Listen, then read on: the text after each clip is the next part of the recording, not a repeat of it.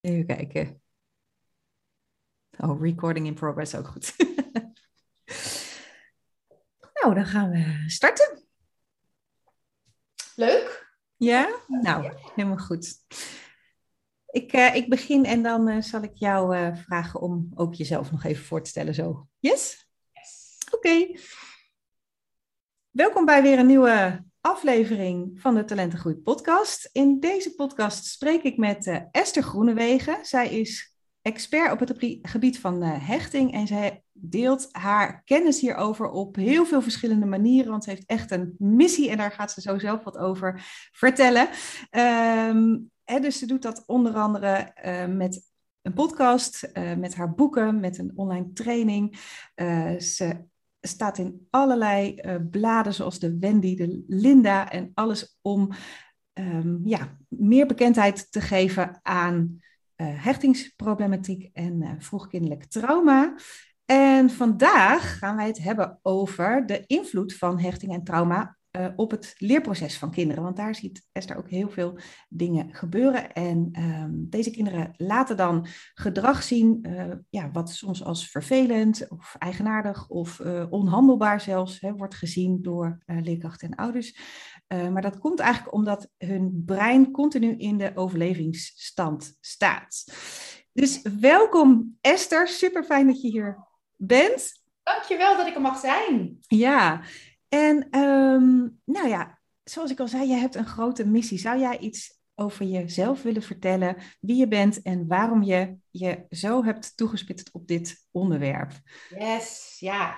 Nou, ik ben dus Esther Groenewegen, founder van Als Hechten Niet Vanzelf Gaat. Dat is een online platform, academie en community voor ouders en professionals die um, ja, meer te weten willen komen over hechtingsproblematiek of vroegkindelijk trauma. Um, maar ook bijvoorbeeld, ik vind het heel erg belangrijk dat mensen samen kunnen komen, hè, dat ouders samen kunnen komen, ook professionals samen kunnen komen. En um, vanuit dat platform deel ik mijn expertise. Ja. Ja, en uh, nou, hoe is dat nou uit eigenlijk, uh, hoe, hoe, hoe is dat ontstaan?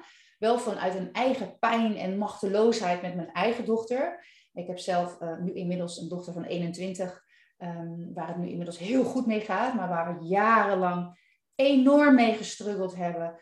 Heel veel scholen gehad. Overal liep het niet goed, omdat er eigenlijk niet uh, de juiste kennis was um, om mijn dochter te helpen. Mm-hmm.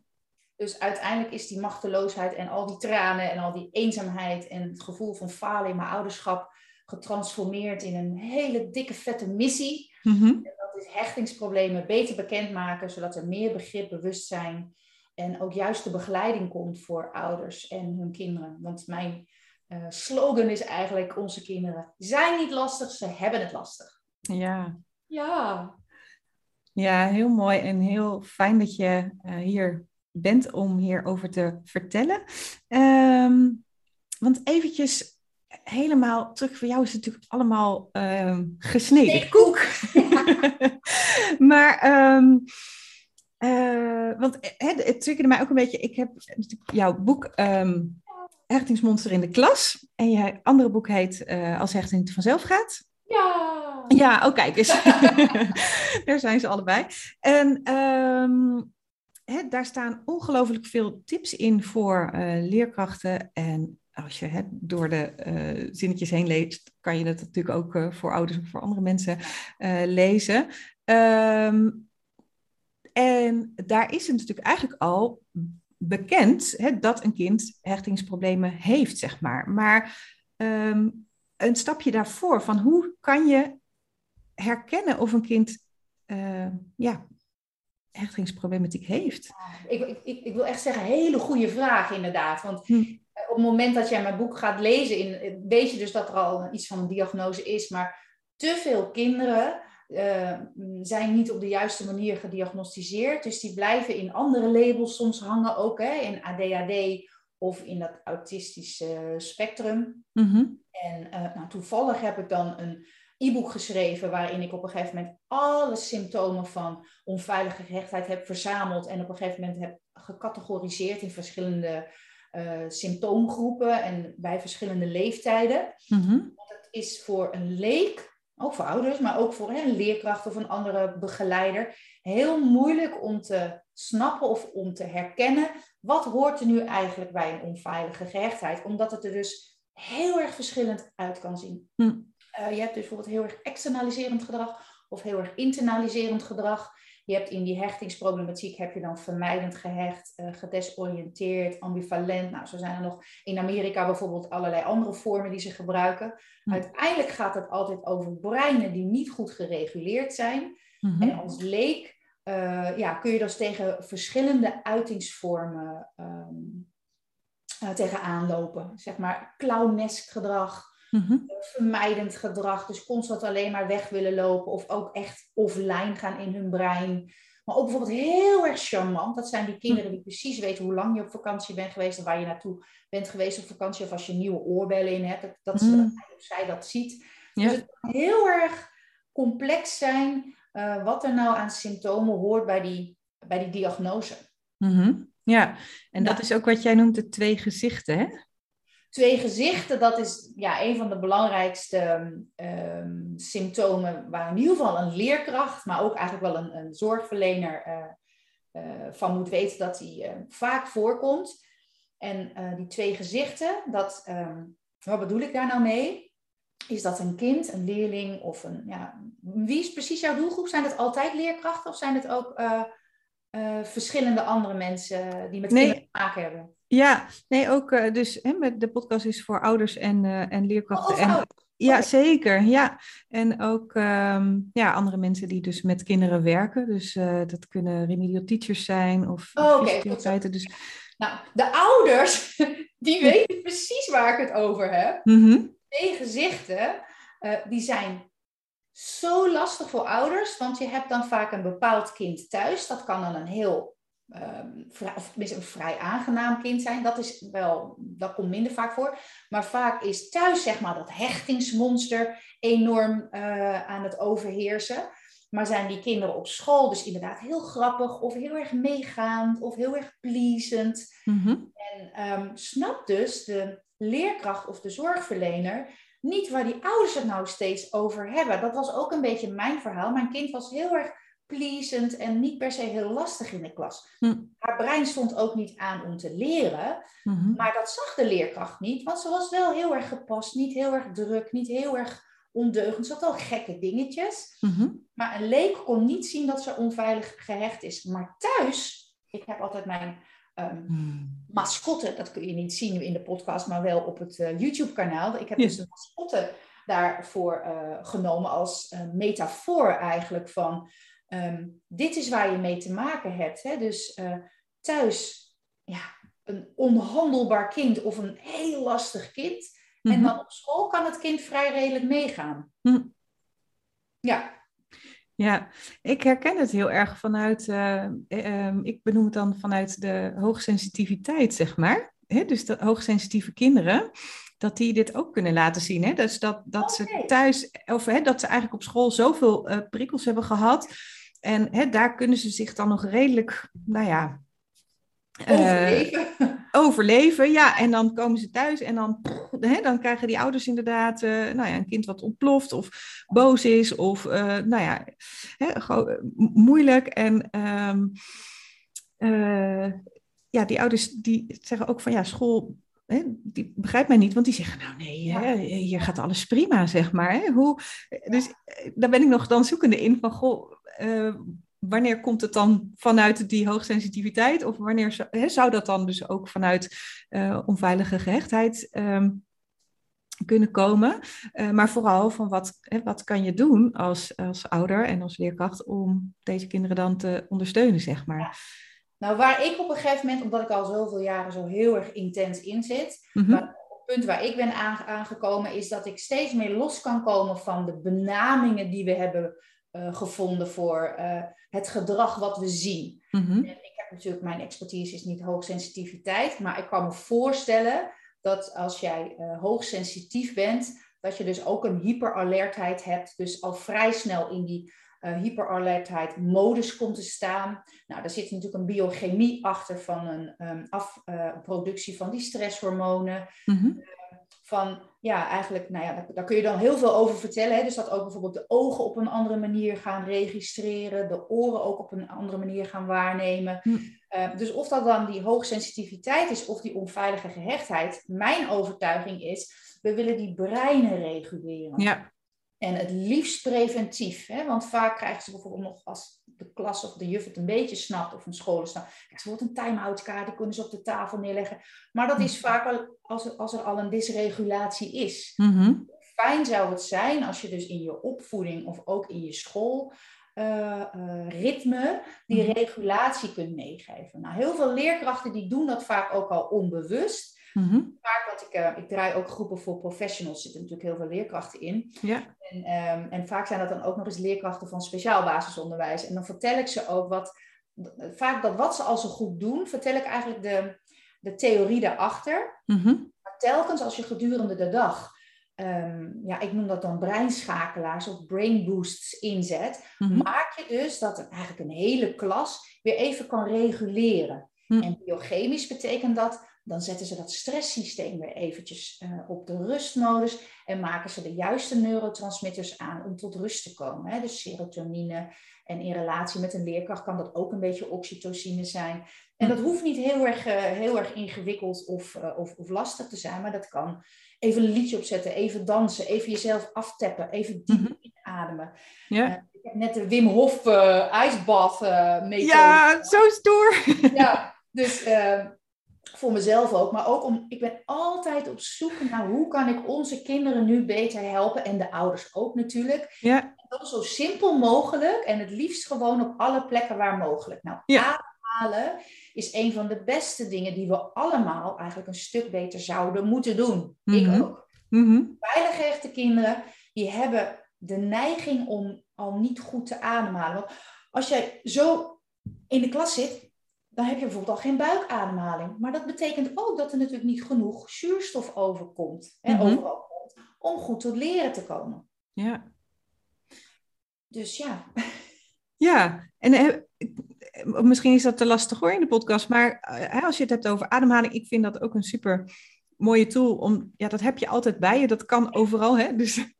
Ehm, uh, is er nu al iets wat je kan zeggen van nou, hè, dus die kinderen die inderdaad zo hoog in die aanval. Hey, ik zie je ook als je dat dus voordoet, dat je schouders omhoog gaan. Hè? Dus dat is misschien ook iets wat dan zichtbaar is voor, voor leerkrachten of ook voor ouders. Hè? Van als een kind inderdaad uh, ja, te hoog zit, van wat kun je dan doen?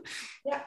Uh, nou, je kunt dus ook inderdaad die ademhalingsoefeningen gaan doen. De, de Wim Hof ademhaling ik ben hem nu net begonnen. Hij is best pittig, dus ik zou dat niet gelijk inzetten, denk ik, bij jonge kinderen. Mhm. Maar ik heb ook een aantal trainingen gevolgd bij de Stanford University.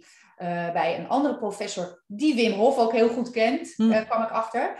Maar die heeft ook onderzoek gedaan naar uh, wat simpelere diafragma-ademhalingen. Dus dat is gewoon inademen en iets langer uitademen. Mm. En dat is wat makkelijker ook in een klaslokaal, waarmee je dus een, um, een, uh, ja, een, een, systeem of een lichaam tot rust kan brengen.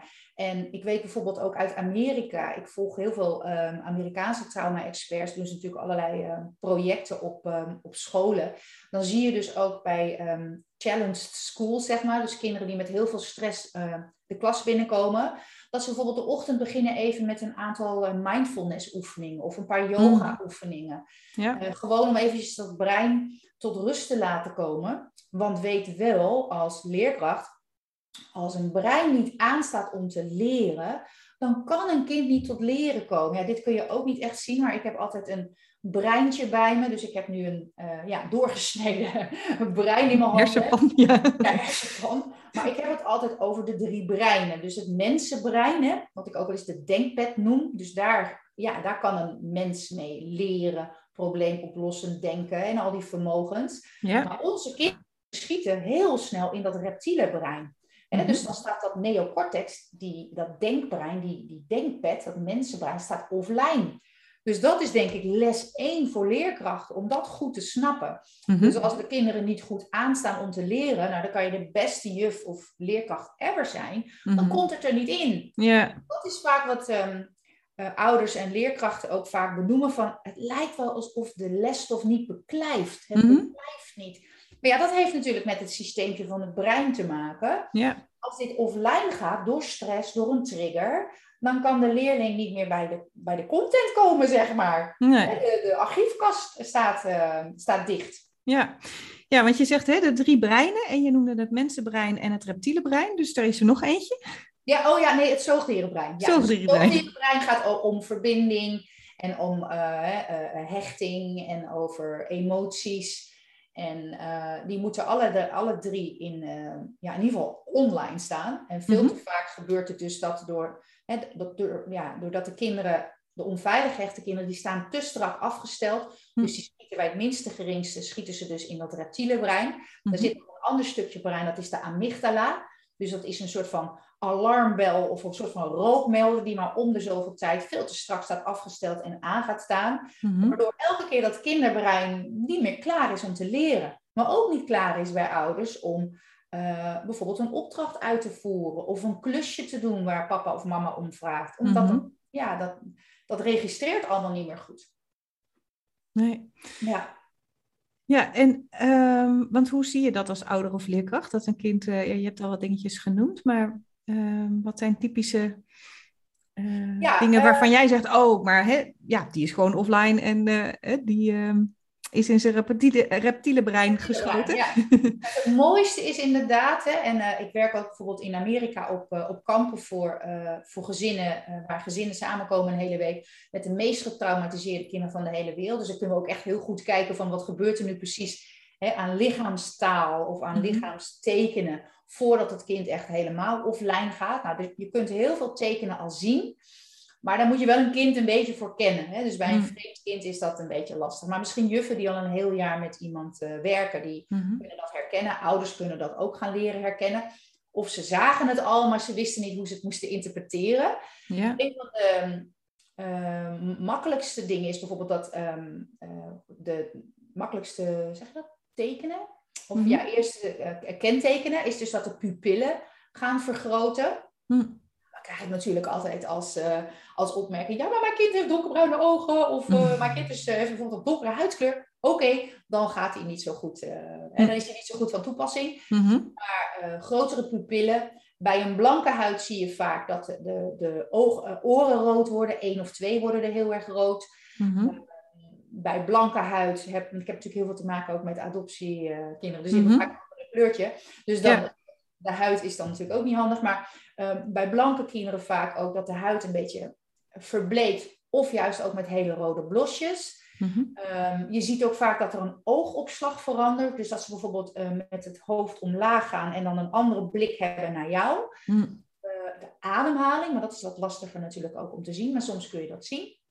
En ze gaan so, soms ook in, uh, in beweging, dus in uh, lichaamsbewegingen hebben ze daar een verandering in. Dus ze worden of te sloom, of ze worden juist hyper. Hm. En volgens mij heb ik ze dan allemaal wel opgenomen. Maar goed, je hebt dus een heel rijtje. Mm -hmm. Waar je dus, um, um, ja, dat, als, het zou fijn zijn als je dat gaat leren herkennen mm -hmm. bij de leerlingen of ook bij je, bij je kind thuis om dus die tekenen te zien nog voor ze offline gaan. Ja. Er zijn ook kinderen die echt gewoon van online, pop, 100% dan is het duidelijk. online gaan. Ja, dan Ja. is het uh, kijken of je op een of andere manier kunt reguleren. Maar soms zijn er dus tekenen. Mijn dochter bijvoorbeeld, die zag je echt offline gaan. Zij heeft ook als overlevingsmodus freeze. Ja, elk kind heeft natuurlijk een, een voorkeur. Dus je hebt fight, flight of freeze. Er is nu ook een nieuwe moet ik me nog een beetje in verdiepen, maar dat is van Hm. iets van faint of flaw of zoiets. Hm. Uh, maar in ieder geval die fight, flight or freeze, die kennen we natuurlijk, denk ik, allemaal wel. Um, maar mijn dochter had freeze en die zag je op een gegeven moment echt offline gaan. Dus die Hm. ogen werden een beetje zo niet zeggend, ook grote pupillen, maar dat kon ik niet zo goed zien, want ze had donkere ogen. Mhm. Ik ben wel later terug gaan kijken naar babyfoto's en dat was eigenlijk best wel shocking, want ik zag dus Mm. op alle familieuitjes en vakanties met andere mensen, dat mijn dochter als heel jong meisje enorme grote pupillen had altijd. Oh, joh. Ja, dus dat was ook wel een beetje verdrietig om daarachter te komen. Ja. Maar daar kun je het dus wel ook uh, goed aan zien. Mhm. Zij ging echt gewoon offline, omdat zij die freeze-modus heeft. Dus Mhm. zij kon ook niet meer spreken. Hm. Uh, want uh, um, um, um, neocortex, zit ook een stukje in, dat heet de, de gebieden van Broca. Mhm. Gebieden van Broca is trouwens wel heel goed om te, te snappen. Daar wordt het stukje spraak geregeld. Nou ja, Ja. als je neocortex offline gaat, ehm, hoe gaan we dat dan nog goed regelen? Hè? Dus daarom is Mhm. het ook of heel erg eh, vanuit dat reptiele brein word je voor van alles en nog wat uitgescholden. Mhm. Of ze kunnen niet meer tot spreken komen. En dat was bij mijn dochter aan de hand. Dus dan, eh, ik ging dat natuurlijk ook een hele poos niet goed benaderen, want ik wist niet wat er met mijn kind aan de hand was. Dus ik ging heel erg spreken, preken, discussiëren. En het enige wat ze altijd deed, was antwoorden met, ik heb het niet gedaan of ik weet het niet. Zo heel Ja. erg robotachtig. Dus op het Ja. moment dat je bijvoorbeeld ziet dat een kind, eh, een leerling of jouw kind, robotachtig gaat doen, nou, dan kan je er bijna wel eh, van uitgaan dat hij in ieder geval regulatie nodig heeft. Dus Hm. kijk of je een kind dan zo snel mogelijk weer in beweging kan krijgen. Ja. Ja, ja, en je zegt net, hè, van ik wist het toen ook niet. Dat is natuurlijk ook hè, die machteloosheid waar veel ouders eh, en leerkrachten mee zitten. ja. Ehm, als je met alles wat je nu weet, zeg maar, hè, terug zou kijken op zo'n moment, wat eh, zou je dan nu als eerste doen? Ja ik, als ik inderdaad met de kennis van nu overnieuw mocht beginnen, dan weet ik zeker dat mijn kind dus niet in dagbehandeling terecht was gekomen. Dan weet ik zeker dat mijn kind niet bijna tien scholen had hoeven hebben. Eh, dan was ik echt vanaf dag één haar heel erg traumasensitief gaan opvoeden. Hm. Eh, nou, daar kan ik heel veel over vertellen, maar dat is hier natuurlijk niet relevant. Eh, maar al zouden wij dus heel vroeg beter gaan snappen wat kwetsbare kinderen nodig hebben. Want het gaat eigenlijk ook over de neuroplasticiteit van het brein. En wij willen dus vooral in die eerste jaren, en dat is best wel veel bekend over nu, hè, de eerste zes jaar of de eerste duizend dagen. Mhm. Maar dan heb je dus die hoogste neuroplasticiteit van het brein. Maar wat je daarmee ook aanmaakt, is dus een bepaalde kernovertuigingen van hoe jij dan in het leven gaat staan. Hè, En die, en die kernovertuigingen van ik ben veilig, ik mag er zijn, ik doe ertoe. eh jij ziet mij op het moment dat ik jou nodig heb, dan ben jij er voor me. Ik leg dat in mijn trainingen uit in, eh, in termen van oerzoep. Hè. Je wilt dus een bepaalde autonomie krijgen van je ouder, maar ook een bepaalde symbiose. En die moet in een bepaalde balans zijn. Dat is nog best wel ingewikkeld voor ouders. Mhm. Dus eh, dat opvoeden is zo makkelijk nog niet, helemaal niet de westerse maatschappij. Maar die kinderen hebben een bepaalde symbiose en autonomie nodig. En dan het liefst nog ehm, op momenten dat het hen ehm, past. Dus je wilt dat ze uiteindelijk dus iets van validering, veiligheid en ehm, ja, hoe zeg je dat? Dat, dat, dat warme nest eh Mhm. meekrijgen qua gevoel. Ja. Ehm, ik ben even de vraag kwijt wat je vroeg. Nou, hè, je vertelde over eh, dat je dochter Oh, dus hè, al- eh, die ja. freeze en hè, dus wat je dan nu zou doen, zeg maar. Heel, eh, Ja, dus ja, ja. inderdaad, de- met de kennis van nu zou ik haar dan veel beschermder ook gaan nou, opvoeden. Ja, of, of, ik, ik- was vrij externaliserend in mijn leven van feestjes en dingen en vakanties. En dat was voor haar vooral in die eerste levensjaren niet zo handig. Hè? Mm. Dus ik was, eh, eh, omdat ik het natuurlijk niet wist, nam ik Mhm. haar overal mee naartoe. En dat zou ik denk ik nu wel anders doen. En ik zou ook, ehm, ja, ik zou zoveel dingen anders gedaan hebben. Mhm. Maar helaas lukt dat niet. ja. Dat is denk ik ook mijn drive, waarom ik nu de kennis die ik nu heb, zo graag met andere ouders wil delen. En eigenlijk ook wel met beleidsmedewerkers. Ik zou wel met de minister van Onderwijs aan tafel willen zitten van, hallo, dit is wat onze kinderen nodig hebben. Want natuurlijk moeten we naar school, natuurlijk moeten we leren lezen en schrijven. Maar als je niet, if you're not resilient, hè, als je geen ehm, goed gereguleerd brein hebt, Mhm. dan kun jij een IQ hebben van 140, maar je moet toch mee in een systeem of toch mee in een maatschappij. Dus je moet een bepaalde omgang kunnen hebben met anderen. Maar Mhm. als je door heel veel wordt getriggerd en constant dus in overlevingsmodus gaat, eh, lukt dat gewoon niet. Nee. Ja, Dus ik zou zeggen, begin met andere vakken te geven van hoe kan ik mezelf re- eh, reguleren? Hoe sta ik in relatie met de ander? Als Mhm. ik me niet goed gereguleerd voel, hoe, hoe, hoe herken ik dat? En wat kan Mhm. ik daar dan aan doen? Ja. En toch nog vrij snel van, eh, we hebben last van je. Nou, op een gegeven moment heeft iemand ook een soort van label of een naampje gekregen. Hup, eruit. Ik Mhm. ken ook van jongens die zeggen, oh, moet ik er weer uit? Hup. Ja. Dat ze dat nou per se zelf willen. Ik geloof echt dat als een kind zich goed begrepen voelt en goed het leren kan komen, Mhm. dat ze wel willen leren. Maar ze gaan allerlei overlevingsstrategieën aanleren. Dat Ja. het ze niks scheelt, eh, clownesk doen of heel erg agressief doen. Maar diep van binnen, daarom zeg ik ook altijd, diep van binnen zit dat authentieke kind. Maar daaroverheen zit zeg maar dat hechtingsmonster in Mhm. allerlei vormen. Ja, ja. Ja, en het is dus de kunst om dat te herkennen. Hè? Dus dat Ja. je denkt, hè, dat je eigenlijk, ja, wat is dat, een gevoel? Of dat je toch merkt van, nou, dit kind doet hè, anders, hè? dat zeg je heel mooi, van, dat is dus niet het authentieke zelf. Dus dat je eigenlijk zoiets hebt van, nou ja, hè, wat is er nu echt? Of, eh, en dat kunnen ze op dat moment natuurlijk niet eh, zomaar zeggen, denk ik, hè? maar Ik ga eh, dat niet zeggen, maar dat is wel het startpunt van de ouders. ja, En ook van de leerkrachten. Oké, eh, Pietje Klaasje staat me nu voor rot te schelden, voor eh, whatever. Dan hebben ze Mhm. allemaal hele mooie beperkt vocabulaire, want iedereen is natuurlijk hetzelfde met allemaal ziektes erbij. Maar als je alleen al kunt zien eh, dat dat dan niet het hè, Pietje Klaasje of Truusje is, maar Mhm. dat het dus dat hechtingsmonster is, dat het kind niet goed gereguleerd is en hulp nodig heeft. Nou, dat is al een hele klus. Eh, want ik ben natuurlijk, ik mag nu ook een, een professionals dus helpen. En mhm. vanavond ook weer een les. En dan gaan we steeds kijken van, hoe komt het nou dat je zelf zo geraakt bent? Dat heeft Hm. natuurlijk ook weer met je eigen hechtingsissues te maken. Want waarom kan de ene leerkracht of ouder het zoveel beter dan de ander? Niet omdat hij beter is, maar omdat hij eh, waarschijnlijk zelf minder trauma heeft meegemaakt. Ik heb Mhm. bijvoorbeeld zelf ook een hele lastige jeugd gehad. Met heel veel trauma en niet veilige thuisbasis. Dus al mijn pijnpunten die staan echt klaar om op getrapt te worden. Ja. Dus ik vond dat ook extra lastig om dan mijn kind daarin te helpen. Dus het begint vaak ook bij jezelf. Hè? Dus bij de ouders, maar ook bij de professionals. Ja. Waarom ben ik nou zo ontzettend geraakt door dat gedrag? Mhm. Dat is Ja. een goed startpunt om dat eerst te gaan onderzoeken. Ik Ja. heb me dat nu aangeleerd, dat als het dus... Er komt niet zoveel meer op mijn pad natuurlijk bij mijn kind, maar er zijn nog wel eens dingetjes. Oké, dan ga ik altijd eerst even kijken, welk stukje is nou van mij en Mhm. welk stukje is nou van, van de ander? Nou, Ja. dat gaat niet altijd goed, want ik zeg altijd tegen de ouders, 80-20 regel. Als je over 80% leert om traumasensitief eh, op te voeden of bijvoorbeeld voor professionals les te geven, dan Mhm. heb je ook nog 20% dat je eventjes ouderwets onderuit gaat. En that's oké. Ja. Want dan kan je kinderen of leerkrachten of leer- leerlingen weer leren dat je ook iets kan goedmaken. Hè, dat er Mhm. fouten gemaakt worden, ook door de juf en ook door de moeder. En we gaan het ook weer goed maken. Ja. Ja. Ja. Ja. Hey, en, eh, nog even over ehm, trauma. Want hey, jij eh, geeft zelf al aan van, nou, ik had zelf ook best een heftige jeugd. En met, het, met jouw dochter heb je natuurlijk eh, veel meegemaakt.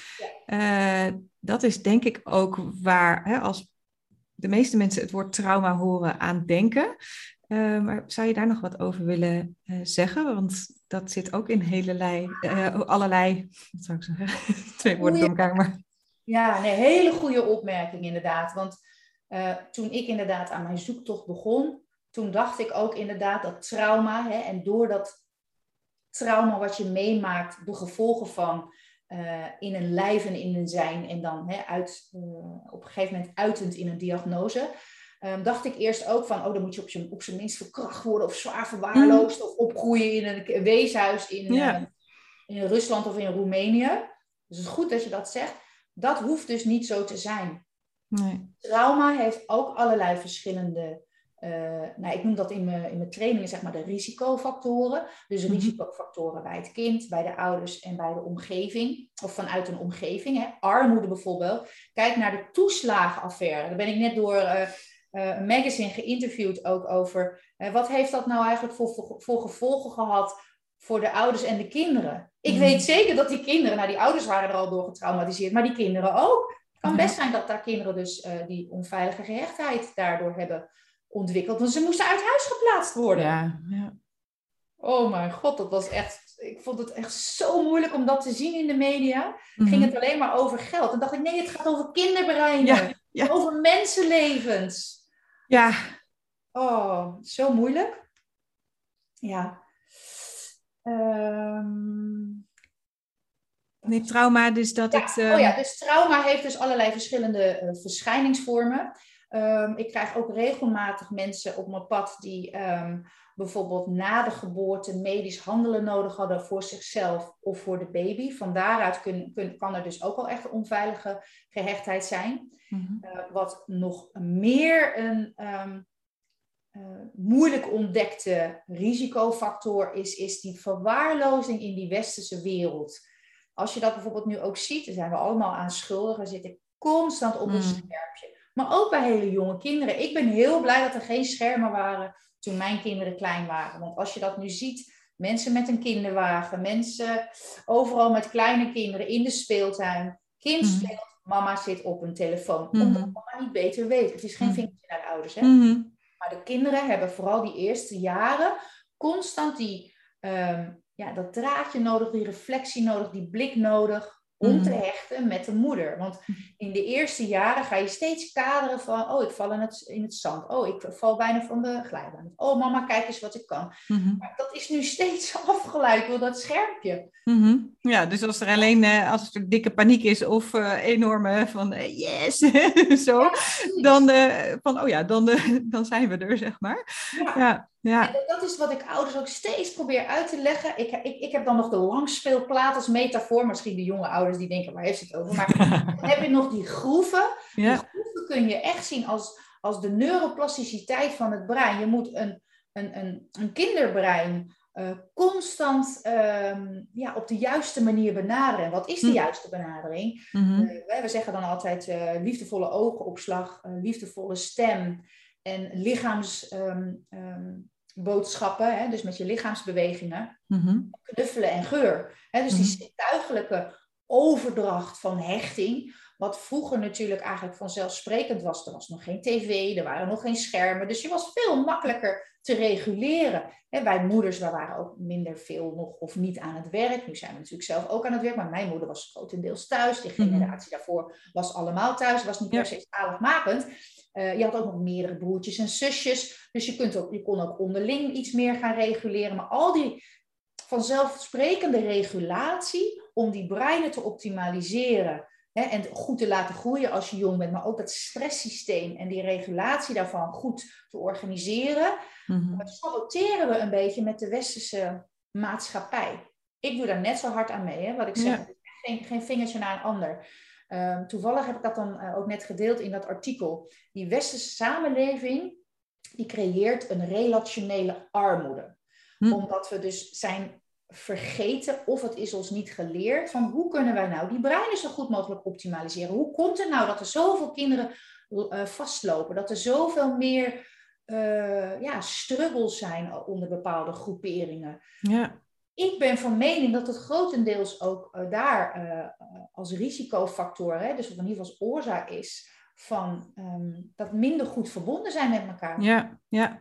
Ik heb uh, uh, nou, al een paar jaar geleden eens een keer tegen mijn man gezegd, ook hè, van, en bedoel, ik doe het ook. En uh, nou, ik weet ook hoe gedreven jij bent. Dat ben ik ook in mijn stukje. Dus hè, ik, ja, mensen vragen wel eens hoeveel werk je? En dan denk ik, ja, werk, het, het loopt allemaal door elkaar. Dus hè, dat ik bijvoorbeeld s'avonds nog jouw boek doorblader om nog dit voor te bereiden. Ja, is dat dan werk? Ja, nee, ik vind het alleen maar heel leuk en inspirerend hè, om dat te doen. Dus, maar uh, en dan ben in de woonkamer en hè, als mijn dochter er is en die uh, zegt, mama, kan je me even voren voor Frans? Hè? Dan, dan ben ik daar. Maar ik bedoel, ja, um, hè, ik doe dat en ik, uh, iemand anders zit misschien achter, voor de tv of iets. Maar um, ik heb wel eens gezegd tegen mijn man van, nou, ik zeg, inderdaad ook bij bushaltes of zo, weet je wel. Vroeger, ehm, eh, ja, dan maakte je misschien wel eens een praatje met, uh, met iemand die dan ook stond te wachten of op het station. Hè? Maar ja, dat gebeurt nu niet, want iedereen, uh, including me, hè, vaak, ik probeer daar heel bewust van te zijn. Dus af en toe denk ik, nee, ik laat hem gewoon in mijn tas of in mijn jaszak. Hè? Dus ik ga gewoon even om me heen kijken en niet per se dat ik een praatje aanknoop. Ja, ja dat doe maar, Ja, maar dat ik zei van, nou, ik zeg, straks gaan we nog naar een tijd, misschien waar we... Um, hè, een activiteit gaan doen en dat je bij de ingang je mobiel allemaal moet inleveren. Hè, en dat je dan iets samen gaat doen, ofwel met je gezin, ofwel met een vriendengroep. Hè, maar um, nou ja, ook als ik met vriendinnen eet bijvoorbeeld. Ja, in principe, die telefoons die zijn weg. Terwijl je zo vaak zie je dat ze hè, dan op tafel liggen of ze, hè, ze lichten op. En natuurlijk, hè, als er iets is, of je, je hebt een oppas thuis of uh, voor het eerst of wat dan ook. Hè, dus of je kind uh, is voor het eerst alleen, hè, dan is het natuurlijk best handig om dat dan op die manier in de gaten te kunnen houden. Maar niet om uh, nou, te checken wat voor weer het wordt morgen. Ik bedoel, dat, hè, daar heb je in dat gesprek op dat moment ook helemaal niks aan. Dus zo, maar, dat, maar je relationele armoede, zeg jij, hè? noem je dat? Mooie term. Ja, ja precies. Um, ja, precies. Ik, maar ik zit ook te denken, er is namelijk een, uh, dat is een Soho House. Een Soho House is een zo'n exclusieve club. Ik weet niet of je hem kent. Hij zit over de hele wereld. Hij zit er hm. ook in Amsterdam. Amsterdam, ja. Club, daar moet je dan uh, lid van zijn. Uh, ik ben een keer meegenomen door een vriend, door een vriend daar. Mm -hmm. want die was daar lid van, of die is daar lid van. Daar heb je gewoon geen telefoon. Hm. Allemaal de rich and famous komen daar allemaal. Ah. Er wordt niet op een telefoon gekeken. En er worden zeker geen selfies gemaakt, omdat daar bijvoorbeeld ook ja, echte celebs komen en de wereldsterren. Mm Geen telefoon. Zodra je de Soho-huis binnengaat, is er geen telefoon. Het kan gewoon. Ik bedoel, als de famous het kunnen, dan kunnen wij het best. Want weet je wat ik ook zo. Dat leer ik ook wel van die Amerikaanse trauma-experts. Uh, de, de ontwikkeling is zo snel gegaan. Mm We need digital hygiene. Dus we hebben nog bepaalde regelgeving nodig. Ik vergelijk dat wel eens met autorijden. Toen die auto's net uh, op de markt waren, geen gordel, geen airbag. Nou, ze reden natuurlijk ook nog niet zo snel. Maar op een gegeven moment dachten we van, goh, er uh, overlijden best wel veel mensen. Laten we er maar een uh, gordel in doen. Goh, ja, dan gaan nog steeds mensen met hun hoofd tegen de muur. Laten we, ik, en ik denk dat, tenminste, ik hoop dat dat gaat gebeuren, gebeuren ook met schermen. Dat we een soort digitale hygiëne gaan uh, We beginnen inderdaad met restaurants. Of ik denk zelf op school. Je kan best zonder je telefoon. Dan ga je maar mm. kijken of je dat via een laptop of wat. Maar die jongens die, die lopen alleen maar zo. Als, mijn, als de vrienden van mijn zoon samenkomen. Hé hey jongen, hé hey jongen. Ja.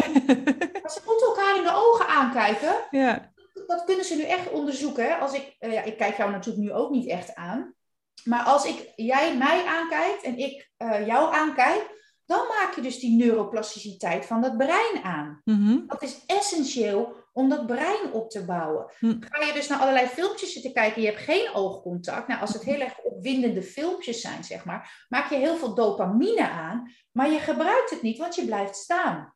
Dus dat hele lichaam snapt eigenlijk niet zo goed wat het moet doen. Hè? Dat wordt eigenlijk in de war gemaakt door dat schermpje. Mm-hmm. Het brein snapt niet het verschil tussen daar een heel spannend filmpje of in real life een spannend filmpje. Mhm. Dus die maakt op basis daarvan maakt hij dus die biochemie aan. Ja. Dus dat is ook nog eens ongezond voor onze kinderen. Ja. Ja, nee, dus eigenlijk... Het lijkt een beetje af. Ja, nee, dat geeft niks. nee, ik, nou ja, het is allemaal denk ik ook heel herkenbaar. En uh, het heeft natuurlijk ook allemaal daarmee te maken. Dus eigenlijk uh, nou ja, zien we dus hè, hoe meer technologie en schermpjes en et cetera we hebben, uh, dat alleen al, hè, dus het op een schermpje zitten, nog buiten het feit dat je dan dus ook geen contact, echt contact maakt met iemand, hè, is al natuurlijk heel heftig voor je hersenen, zeg maar. Dus eigenlijk zouden we ja, nog meer heel bewust moeten doen. Ehm, ja, wat ze in Oosterse culturen meer doen. Hè? Dus uh, met die ademhaling, uh, meditatie, et cetera. En uh, zou jij dat dan ook geïntegreerd willen zien op scholen? Of is dat iets wat je zegt van nou, dat moeten ouders eigenlijk meer oppakken? Zouden moeten oppakken? Um, ja, het zou natuurlijk mooi zijn dat er in ieder geval eerst bewustzijn komt want als jij gaat vertellen aan ouders en aan leerkrachten, je moet ook nog dat en dat en dat doen, dan denkt iedereen, ja, dan moet ik nog meer doen. Ik denk dat het daar een beetje mee begint. Dus dat het niet te veel rigide gebracht moet worden. Mhm. Maar als ouders, maar ook als leerkrachten beseffen, oh wacht even. Als ik nou dat en dat preventief ga integreren in zo'n dagritme, dan mhm. heb ik niet dat Pietje of Klaasje drie keer per dag uh, op de grond ligt van, uh, van woede. Mm Hè? Want um, we kijken vaak naar uh, wat we denken, wat we dan allemaal moeten integreren. Maar we mhm. hebben dan niet zo'n besef van wat voor tijd we allemaal verliezen aan die negatieve gebeurtenissen. Hè? Want als Pietje weer op de grond ligt, is de rest van de klas afgeleid en dan moet, moet misschien iets gebeuren of wat dan ook. Dat tellen we vaak niet mee als verloren tijd. Mm. Als we dan zeggen, joh, kijk of je elke ochtend met een ademhaling kan beginnen. Of dat je misschien de oefeningen tijdens schim iets anders kan indelen, dat er misschien meer regulatie komt. Mm Ehm, wat kan je daar dan mee winnen aan tijd, omdat Klaasje dan die drie keer per dag op de grond ligt? Dat, dat is gewoon, uh, ja, alleen al dat besef zou mooi zijn. Ja. Dat je daarmee begint. Ja. En ik denk, ja, ik ben zelf altijd heel erg van kennis verzamelen. En ik denk Mhm. ook dat je, als je iets van psycho-educatie krijgt, dat je beter snapt hoe het werkt. Mhm. En daarna dus heel veel praktische tools koppel. Mhm. Dat eh, leerkrachten dat, eh, want ik merk dat nu ook steeds meer ehm, bij de professionals, dat ze het ook leuk vinden om te kijken, oh wacht even, Ja. als ik bijvoorbeeld andere taal gebruik, of als ik zie, oké, Klaasje, eh, maak me voor, weet ik veel wat uit, Mhm. maar ik spreek hem aan op, oh ik hoor dat jij het lastig hebt, kom op Klaasje, we gaan eens even een, eh, een glas water voor je halen. Mhm. En dan in mijn hoofd, oké, dit is wat hij laat zien. Hij zit in zijn reptiele brein, maar je spreekt hem aan op de behoeften die hij eh, echt nodig heeft. En je Mhm. gaat hem reguleren, want je gaat met hem wandelen, je geeft hem een glas water. Dan ben je volgens mij minder tijd kwijt dan dat je de hele tijd eigenlijk een, eh, een olie op het vuur gooit. Mm. Hè? En ook, ja, ik hou ook altijd heel erg van quotes. Dus als je dan als mantra kan hebben, eh, je bent niet lastig, maar je hebt het lastig, Mhm. dan ga je al heel anders naar een kind kijken. Ja. Ja. Mooi, hè? Dus ik, hè, je zegt ook beweging is iets om het brein te reguleren. Ja, Ja, dus Ehm, en dat vergelijk ik altijd met wat we heel erg snappen van de baby's. Hè? Dus baby's en jonge kinderen. mhm. Ze pruttelen, ze zijn een beetje vervelend of lastig. Wat, we wat doen we dan? Nou, bij baby's helemaal gaan we nu geen hele gesprekken voeren waar we het irritant vinden. We pakken ze op.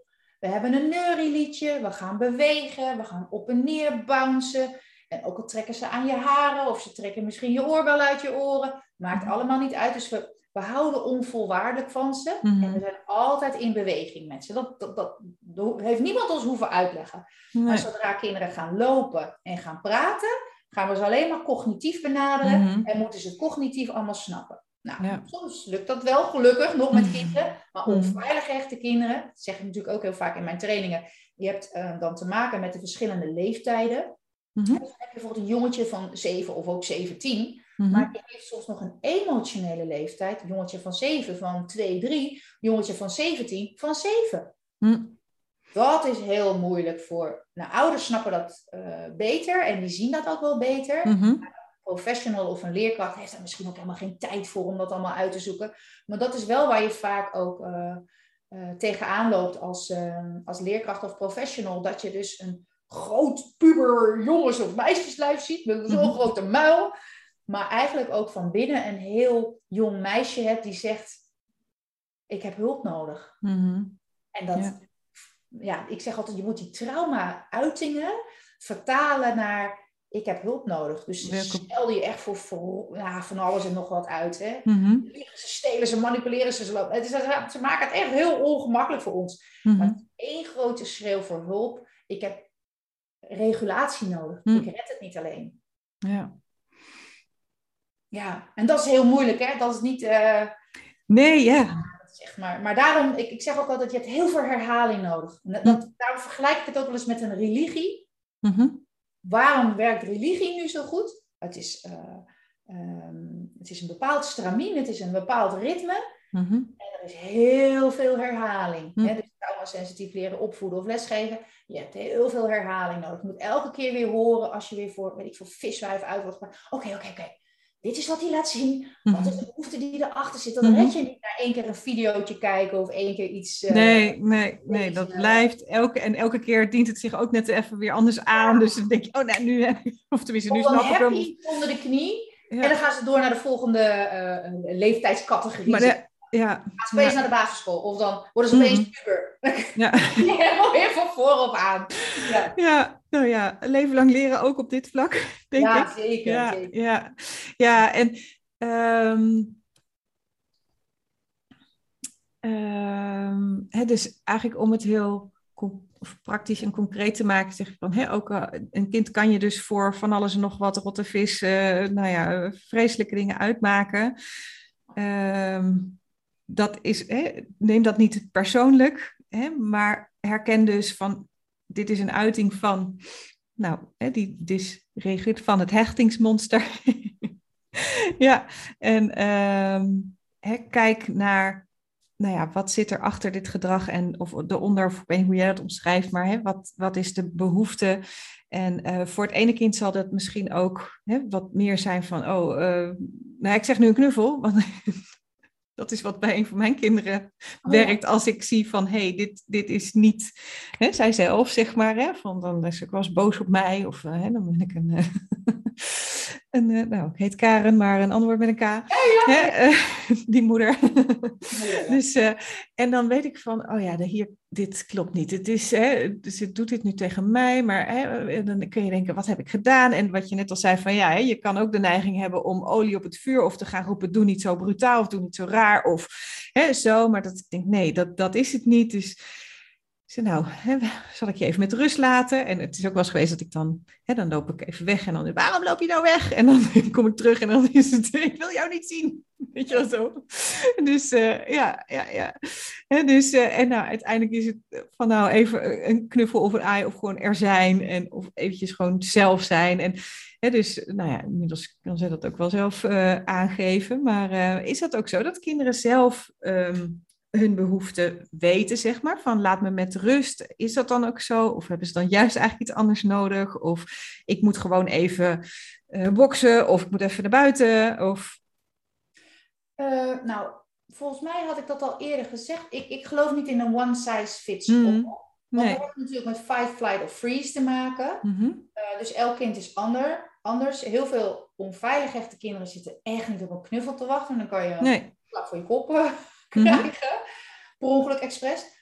Ehm, wat ik wel altijd eh, ehm, uitleg is dat eh, nou, er is dus onaangepast gedrag. Hè? Gepast wat, eh, gedrag wat jou niet past of wat de omgeving niet past. Mhm. Het begint vaak ook met iets van bewust, bewustzijn van jezelf. Dus het is echt topsport. hè. Ik zeg ook het opvoeden van kinderen is topsport. Ja.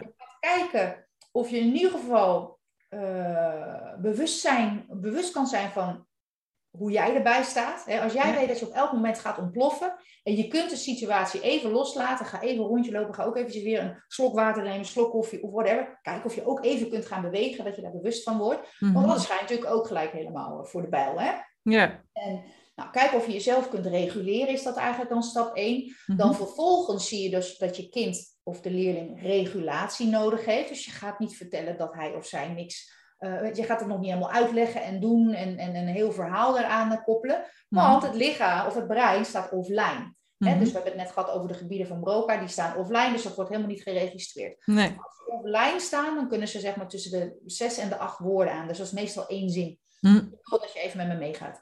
Kom, wij gaan een rondje lopen. Of whatever, iets wat past voor de Hm. situatie. Nou, Mhm. dan luisteren ze daar natuurlijk ook niet naar. Maar je moet altijd wel ervoor zorgen dat het kind, de situatie, de omgeving en de anderen en jij natuurlijk veilig zijn. Soms Mhm. moet je dan iemand uit een situatie verwijderen. Dat is dan natuurlijk eh, niet anders. Mhm. Maar dan vervolgens ga je kijken wat je het kind kunt aanbieden aan regulatie. Nou, dat hangt ook weer af van de omgeving. Mhm. Eh, eh, sommige scholen, gelukkig, hebben iets van een intervention rooms of een interventieroom.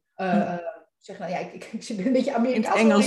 ja, ja. Ja, het is een intervention room, dus iets van een kamer of een plek waar die kinderen dus zelf iets kunnen kiezen of eh, eh, gaan doen wat hen helpt. Nou, ene bijvoorbeeld Lego, bij de andere is het bijvoorbeeld met een koptelefoon even Donald Duck Mhm. lezen. De ander wil bijvoorbeeld een rondje lopen over het plein. Dus het is echt geen one size fits all. Nee. Een ander is al geholpen met inderdaad even een beetje tappen op de rug of een glas Mhm. water. Of, het hoeft niet echt heel erg ehm, ingewikkeld te zijn. Nee. Het gaat in ieder geval om die breinregulatie. Ja. Wat ik wel ook ouders leer en ook gelukkig steeds meer ook leerkrachten mag leren, is van Mhm.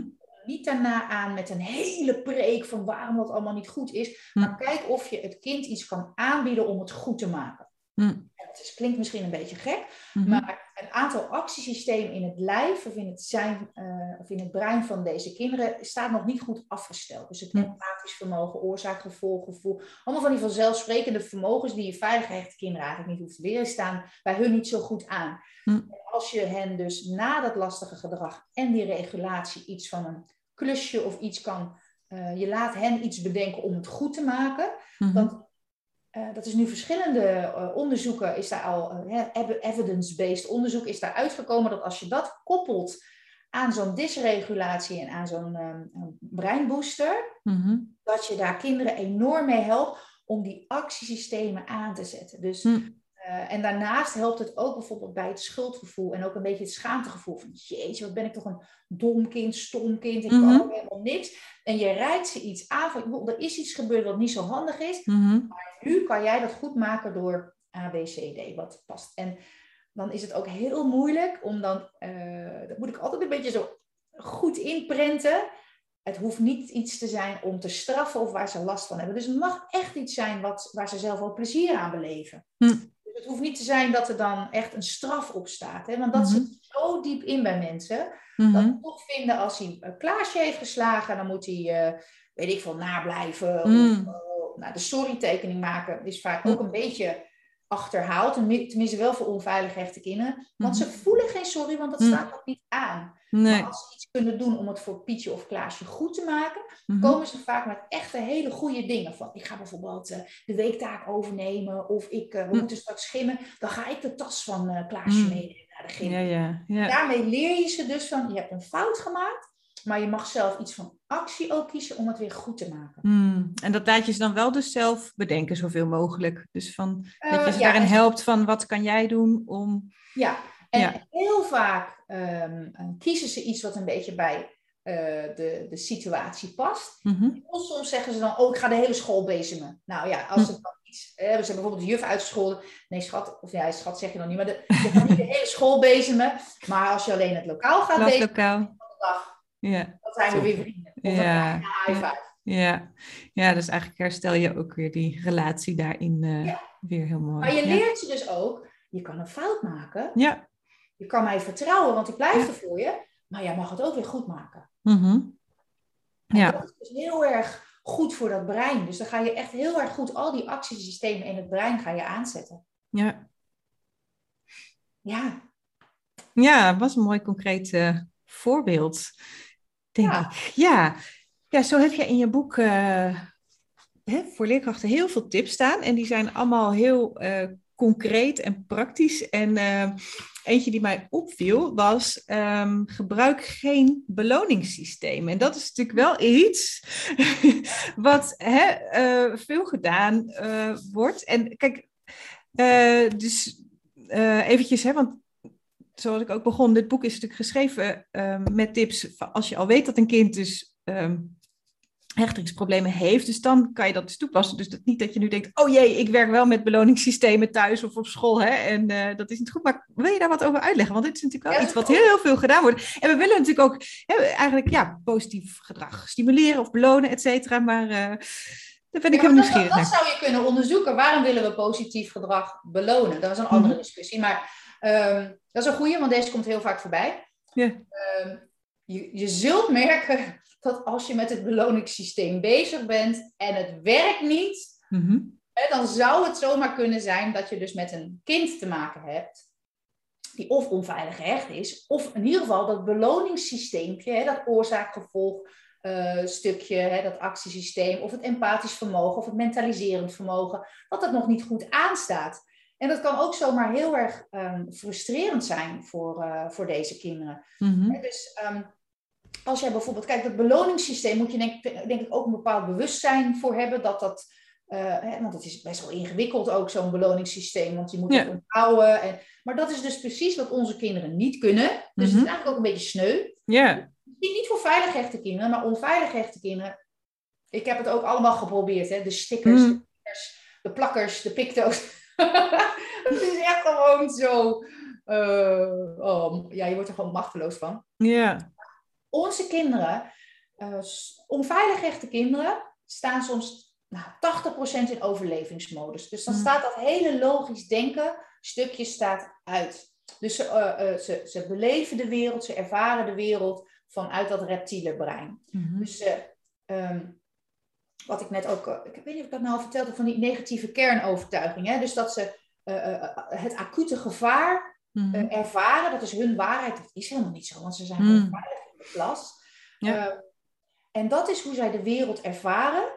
En dan moeten ze nog ook aan een beloningssysteem gaan denken. Maar dat hm. kan niet, want door dat trauma zijn ze gewoon zo caught, in, caught up in their own trauma, zeg maar. Mm-hmm. dus ze willen dat wel heel graag, want ze willen ergens diep van binnen, willen ze goede, mm. of goede kinderen zijn. Maar als dit de hele tijd offline staat, dan ben je al lang weer vergeten dat je stickers wil verdienen of knikkers wil verdienen. En daar gaat het vaak mis. Ja dat ze het echt wel graag willen. Ja. Dus dat, je kunt het, hè, jouw vraag, als zou je die omdraaien, mhm. als die beloningssystemen niet werken bij bepaalde kinderen, dan zou je dat eens gaan kunnen onderzoeken. Ja. het gelijk een, eh, een diagnose op, maar dat is wel Nee, kijken van waarom lukt het dan niet. ja, mooi. En wat werkt dan wel? Als, eh, hè, want, of wat, stel van, hé, je hebt met, sorry, met, met, met een eh, beloningssysteem eh, ben je aan de slag gegaan, maar dat werkt dus niet.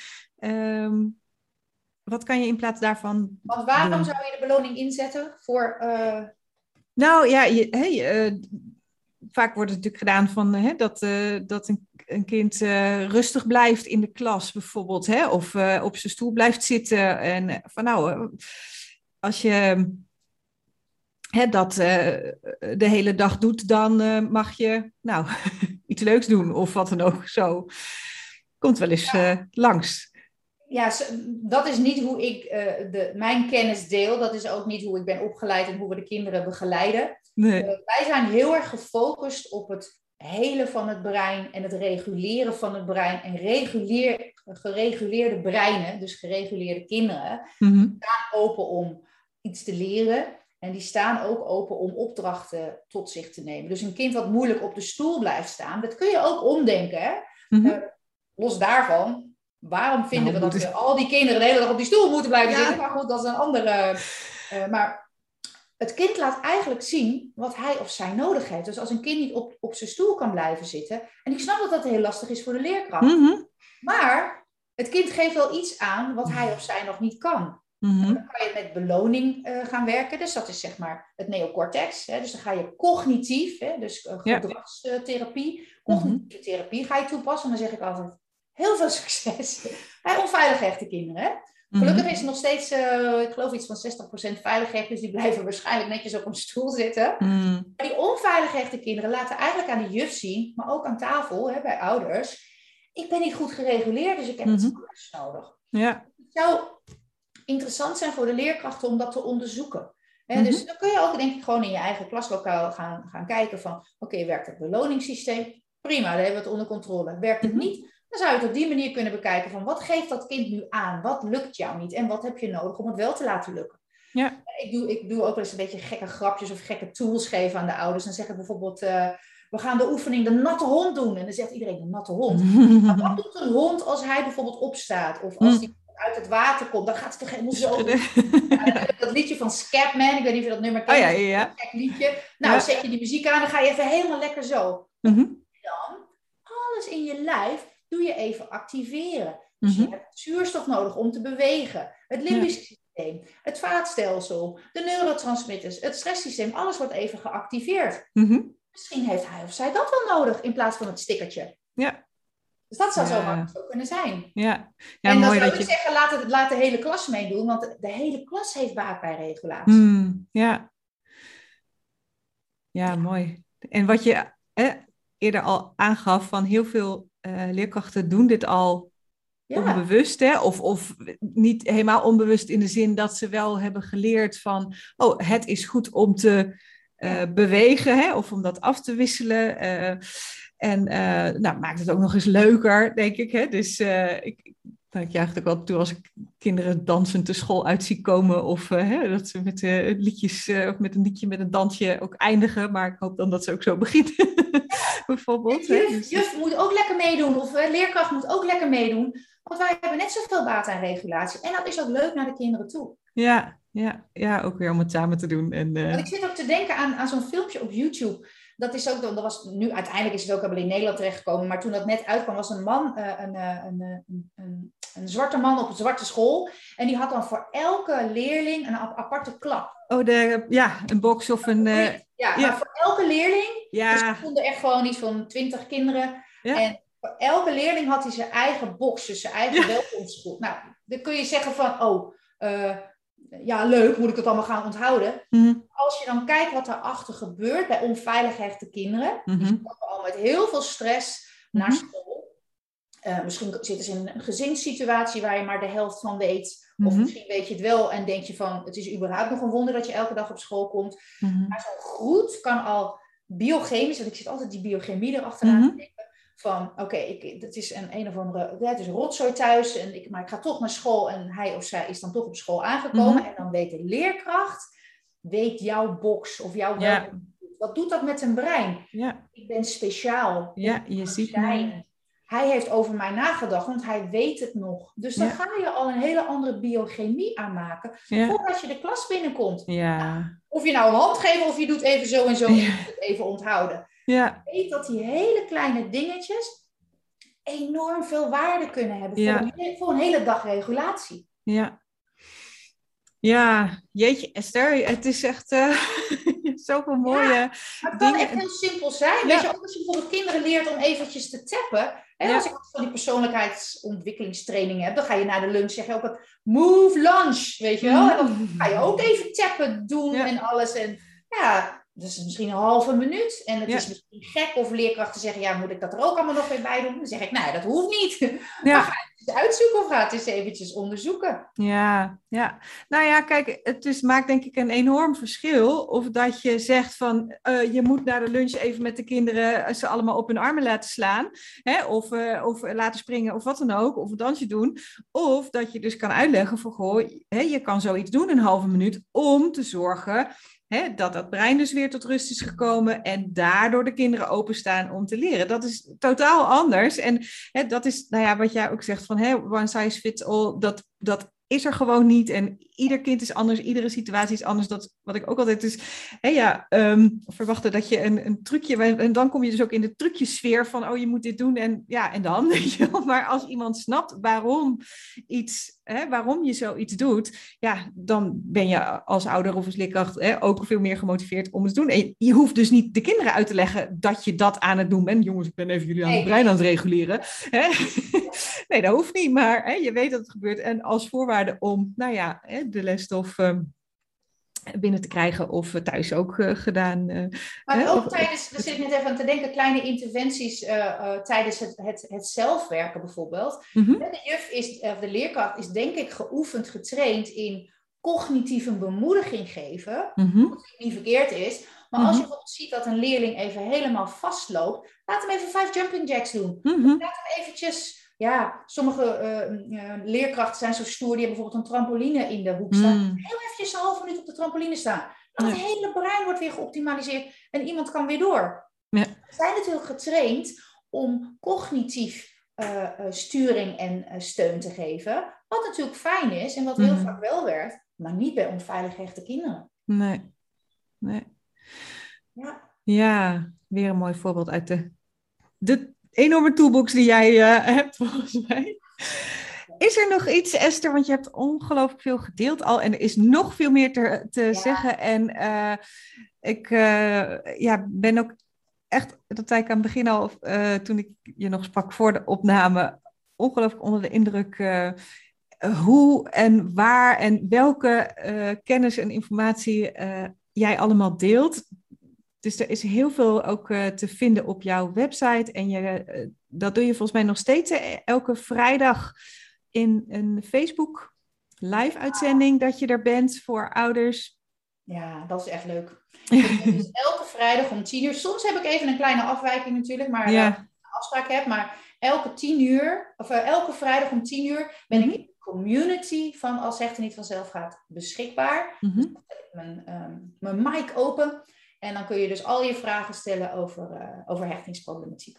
En die beantwoord ik dan voor je. Ja, en dat is zowel voor ouders die al weten dat ze een kind met hechtingsproblematiek hebben, maar ook voor ouders die, nou ja, mogelijk door deze podcast of ja. hè, door andere informatie denken van, nou, het zou misschien kunnen, want hè, je gaf al aan van het is gewoon heel moeilijk te herkennen. Dus dan dat zij dan daar ook hun vragen kunnen stellen van, goh, mijn kind laat dit gedrag zien, zou het kunnen dat hè, dat hiermee te maken heeft? En uh, maar ja, ook, ik heb bijvoorbeeld ook oma's en uh, uh, ik heb ook jongeren hè, die, die zeggen, ik snap eigenlijk zelf niet waarom ik ben zoals ik ben. En mm.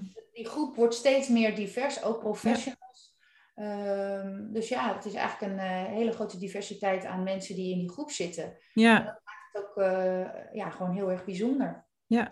En je, je vroeg me net ook van, joh, waar gaan we nou mee afronden? Wat in mij opkwam was om vooral ook iedereen een compliment te geven het is heel erg lastig in deze tijd om les te geven, om op te voeden. Mhm. En uh, don't be so hard on yourself. Ik doe dat zelf ook, maar uh, um, net had jij bijvoorbeeld ook dat, die oefening met die stip. Ik laat nu even een geel blaadje zien met een zwarte stip. Ja. En dan ga je kijken als ouder of als leerkracht wat er allemaal niet goed lukt. Hè? Maar als Mhm. het is een beetje jouw, ik heb nou jouw oefening gepikt. Helemaal goed. Hier, dan zeg je dus de zwarte stip en je ziet niet de gele post-it note. Maar wat je allemaal wel goed doet als leerkracht en als ouder, dat zie je vaak weer niet van jezelf. Nee. En dat is wat ik ook zo graag wil delen aan ouders. Ja, mooi. En dat weet je, in de discussies op tv of in de bladen of in de kranten, ehm, mis ik dat zo. Eh, Mm. Je bent altijd ergens voor of ergens tegen, of je moet iets doen of je moet het niet doen. Ik zeg altijd, ga het onderzoeken. Hoe Ja. doe je het nu? Welke Ja. resultaten heb je nu? Dit is wat ik je kan bieden, of dit is wat ik je kan uitleggen. Mhm. Ga het uitzoeken of ga het proberen, of doe het niet. That's Ja. it. Ja, Zoveel meer zachtheid dan eh, die polariteit steeds maar weer. ja. Maar ook echt, wat, dat, dat zou ik mooi vinden om mee af te sluiten. Van, iedereen doet, doet het gewoon goed. Je doet wat je kan met, met het beroep of met, met de opvoeding, met je ouderschap. Dat wat je kan. Ja, ja. Ja, gaaf, Esther. Want het doet mij denken ehm, aan oh, een quote van eh, Maya Angelou. Van, Ja. hè, eh, ik moet even denken hoe die begint. Als jij hem weet, mag je me aanvullen. Maar, Ja, ik Even- gelijk het spel. Als, ja. ehm, als je toen beter had geweten, of wat... ehm, Oh, wat erg. Ja, ik heb hem. ehm, heb je hem niet in je boek staan? ja, nou, nee, niet in mijn boek, maar wel. Oh. eh, do, the be- do the best you can until You you, know know, better, And when you know better. you do better. Dus hè, van, je doet het al goed, want je doet het met hè, alles wat je nu weet en wat je nu kan en hè, wat je nu voor ogen hebt. Maar hè, als je weer een nieuw stukje kennis of ervaring hebt, van nou, dan kan je dat weer toepassen en je hebt eigenlijk altijd een nieuwe kans. En ehm, ja, Nou, dan wil ik er nog even een andere quote achteraan gooien, want ik ben Nou. met, een nieuwe, met een eh, kaartenset Ja. bezig. Had. Dus ik ben allemaal met die quotes bezig. ja, ja, ja. Van Ellen DeGeneres, dus dat is een Amerikaanse talkhost eh, lady. ja. Mhm. Ik weet het niet helemaal uit mijn hoofd, maar het is in de, in de, in de strekking van, ook al heb je al allerlei lessen geleerd, de lessen van morgen kunnen totaal anders zijn, maar daarmee niet minder eh, passend. Dus het kan Mm. best zijn, daar waar je je nu zo aan vasthoudt, aan bijvoorbeeld het beloningssysteem of aan het feit dat we toch vinden dat we die kinderen moeten straffen. Hè, als je nieuwe kennis krijgt aangeboden, kijk of je daar met een open blik eh, naar kan luisteren of het kan ontvangen. Ik Ja. heb ook in de training heb ik ook zo'n plaatje gemaakt van kijk of je even de ik weet het pet af kan zeggen. Hè? Vaak als je Mm. wel heel erg eh, eh, ja, gewoon heel veel opleiding hebt gedaan, of, of hè, je hebt natuurlijk de Pabel gedaan, of allerlei verdiepingstrainingen, zoals die Mhm. Op Master SEM. Master Sen. zijn natuurlijk hele heftige opleidingen. Ja. Heb je natuurlijk heel veel geleerd, maar daar waar je nu nog steeds tegenaan loopt, kijk of je even die ik weet het pet kan Mhm. afzetten, zodat je wel open blijft voor andere input. Hoeft niet per se Ja. mijn input te zijn, maar ook misschien Mhm. Ehm, ik had ook eens een keer iemand die zei van mijn kind wordt helemaal rustig van orig origama blaadjes vouwen. Mhm. Oh, oké. Nou, ja, kan ik zeggen, ja, een beetje vouwblaadjes vouwen. Nou, wie weet wat dat voor een brein doet. En Mm. wie weet dat een leerkracht nu denkt, joh, ik heb nog van die vouw, vouwblaadjes in de kast. Als Ja, iemand op proberen. laat hem lekker van die dingetjes vouwen. Ja, ja, Openheid en die open blik, ja. ook gewoon belangrijk. Ja, mooi. En je kan ook heel veel leren van de kinderen door gewoon naar ze te luisteren en te kijken wat ze aangeven. We gaan veel te vaak over de kinderen heen inderdaad. Ja, Heb je het al met de kinderen besproken? Of heb je het al met... Oh nee. nee. Over ze te hebben. ja, ja, Goed van je, ja. ja. Nou ja, gelukkig zie je dat ook steeds meer. Hè? Dat inderdaad ook uh, oudergesprekken op school, dat die inderdaad niet alleen maar ouder-leerkracht zijn. Hè? Dat het inderdaad over het kind gaat, maar dat het kind erbij is. En hè, dat die eigenlijk ook in de lead is van nou, hè, je mag vertellen wat gaat er al goed en uh, nou, waar zou je nog aan willen werken en hoe, nou, wat kunnen wij doen om daar, uh, daarin te helpen. Ja, mooi. Esther, ontzettend bedankt uh, voor het delen van al jouw uh, kennis, ervaring, tips, inzichten. Echt ongelooflijk waardevol. Um, nog even tot slot, als uh, luisteraars denken, ik wil graag meer weten, waar kunnen ze dan het beste naartoe gaan? Ja. Om... Uh, nou, ben je dus ouder of professional en wil je meer te weten komen over hechtingsproblematiek of vroegkindelijk trauma? Ik heb een website als hechten niet. Uh, je kunt mijn e-book downloaden. Dus dat is uh, de titel Wat is er met mijn kind aan de hand? Dus er staat beknopt in um, wat hechtingsproblemen zijn. En dan al die symptomen. Dat is vooral handig voor als je nog niet weet heeft mijn kind nou, of heeft deze leerling nou hechtingsproblematiek of niet? Ja, super. Uh, ben je daarna nog meer geïnteresseerd? Uh, je kunt een aantal malen per maand ook een um, strategiegesprek boeken. Dus dan kun je even kort met mij in gesprek. En dan kan ik gewoon samen met je kijken uh, wat ik voor je kan betekenen. Ja. Ja, mooi. En als je graag leest, dan kun je natuurlijk de boeken lezen. Uh, lezen. Even, even, even, hè, maar twee boeken. Alle twee, ja, heel goed. Oh, mooi. Ja, die, die zijn ja. gewoon bij, of bij mijn website uh, verkrijgbaar of bij uh, bol.com. Ja. ja, en um, jouw podcast heet De Baas in Eigen Brein. Ja, Baas over Eigen over. Brein. Ja, Sorry. ja. ja, Baas over Eigen Brein. Ja, ook heel... Ja, ja je, nou, en de inspiratiekaarten komen eraan, als het goed is. Ja, precies. En online trainingen natuurlijk voor ouders en professionals. Ja, ik ben een, een druk baasje, maar ja. ik heb een missiegevoel. Dus ik heb ja. visie voor de aankomende tien jaar. Dat voel ik echt. Ja, nou, heel gaaf. En heel veel succes erbij. En nou, nou, wij wat houden... ook nog uh, goed is om te delen, even nog als laatste. Ja, ja. Ik, kom, ik mag nu weer het land in, dus ik kom ook regelmatig spreken voor scholen, uh, allerlei andere organisaties die bijvoorbeeld themadagen hebben. Ik heb dat natuurlijk Ja. nu anderhalf jaar online gedaan, maar ben ik wel een beetje klaar mee. Dus als Ja, ja, denkt, uh, ik wil wel Esther uh, op onze, in de klas of bij ons op school hebben, dat doe ik ook nog. Oh, super gaaf. Mooi dat je dat nog even toevoegt. Ja, dus scholen, instanties die met of voor kinderen werken, of die hè, Yes. op, opleidingen, et cetera. Symposia misschien. Ja. Ja, heel gaaf. Nou, mooi. Ja. We gaan hem afronden. Ja. Dankjewel. En uh, wij uh, spreken elkaar een andere keer. Yes, dankjewel dat ik hier mocht uh, zijn vandaag. Ja, super dat je er was. Yes, dankjewel. Joep.